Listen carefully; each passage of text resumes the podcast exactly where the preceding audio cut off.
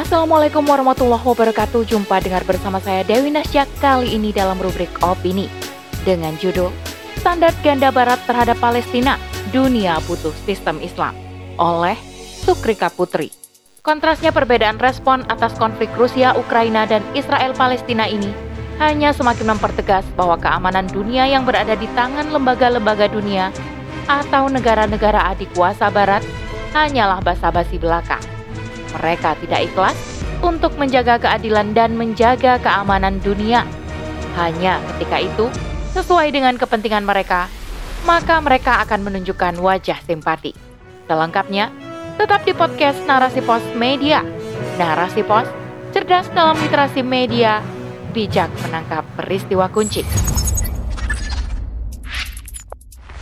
Saat dunia tengah sibuk membantu Ukraina melawan invasi Rusia di belahan dunia lain, serangan yang dilakukan militer Israel terhadap warga sipil Palestina juga semakin memuncak. Dilansir dari wartaekonomi.co.id, Perdana Menteri Palestina Muhammad Istay menyampaikan dalam rapat Kabinet Otoritas Palestina pada 4 April 2022 bahwa eskalasi Israel terhadap warga Palestina yang meliputi pembunuhan, penyiksaan, penangkapan, serta membolehkan pemukim melakukan kejahatan menimbulkan ancaman yang luar biasa terhadap keamanan dan stabilitas kawasan. Beliau berharap dunia dapat meminta Israel untuk menghentikan serangan militer mereka terhadap warga sipil Palestina. Memasuki bulan Ramadan, konflik Israel-Palestina di wilayah bagian Yerusalem Timur kembali menegang. Keadaan seperti ini jamak terjadi setiap tahun menjelang bulan Ramadan.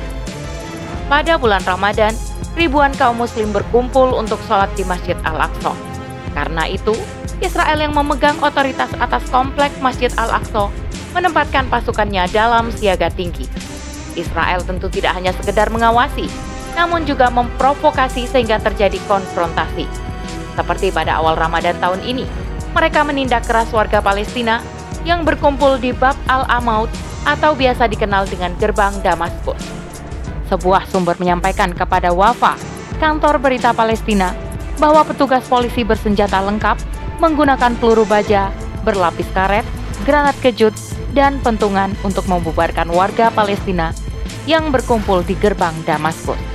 Gerbang Damaskus sendiri adalah salah satu gerbang utama menuju kompleks Masjid Al-Aqsa yang berfungsi sebagai tempat berkumpul yang populer bagi banyak orang Palestina selama Ramadan dan waktu-waktu perayaan lainnya.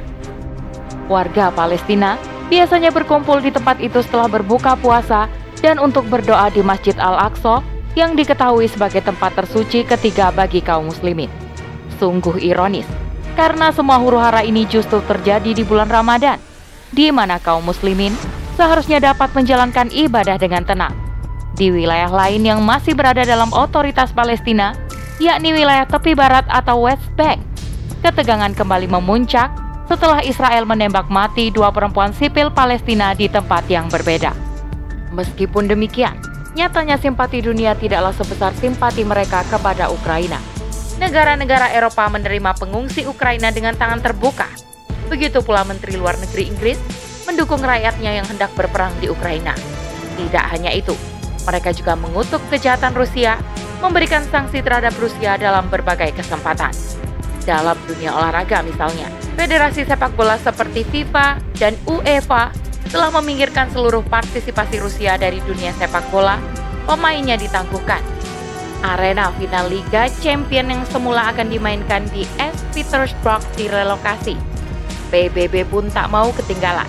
Melalui inisiasi Amerika Serikat, PBB mengadakan voting untuk membekukan keanggotaan Rusia dari Dewan Keamanan PBB karena pelanggaran HAM yang dilakukan terhadap Ukraina.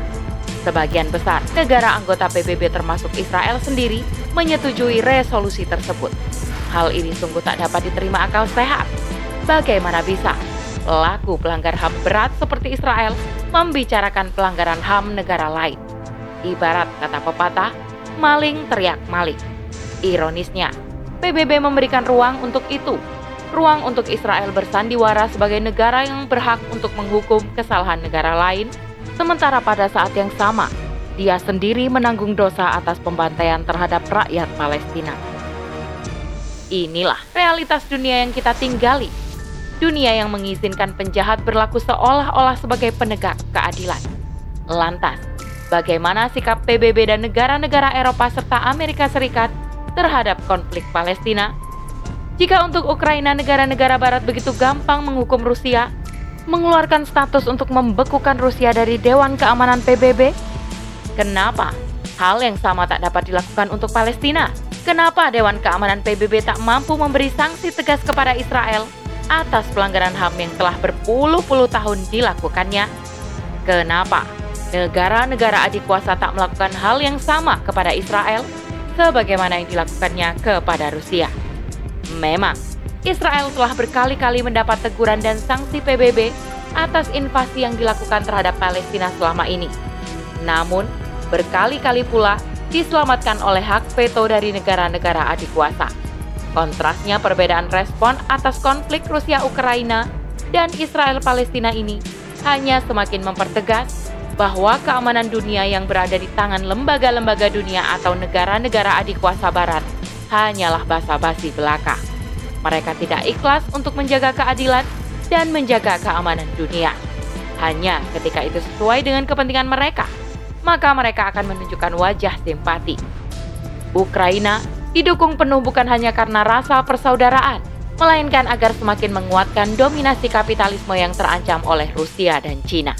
Sesungguhnya, dunia khususnya umat Islam membutuhkan institusi yang tulus dan ikhlas menjaga keamanan dan stabilitas dunia, menghukum yang salah, dan menolong kaum lemah tanpa unsur kepentingan yang materialistis. Namun, kekuasaan seperti itu tak akan tegak di tangan ideologi sekuler yang meminggirkan nilai-nilai moral dan ketulusan yang diajarkan oleh wahyu. Tak akan pernah mewujud di tangan kapitalisme yang menilai benar dan salah dengan timbangan manfaat.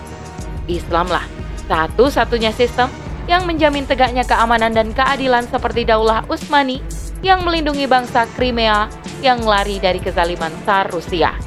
Seperti Khalifah Al-Mu'tasim yang mengerahkan puluhan ribu pasukan untuk melindungi kehormatan seorang wanita muslimah. Semua itu dilakukan bukan untuk tujuan menjajah, namun untuk menebar rahmat bagi seluruh alam. Wallahu a'lam bishawab. Demikian rubrik opini kali ini. Sampai bertemu di rubrik opini selanjutnya. Saya Dewi Nansya kundur diri. Assalamualaikum warahmatullahi wabarakatuh.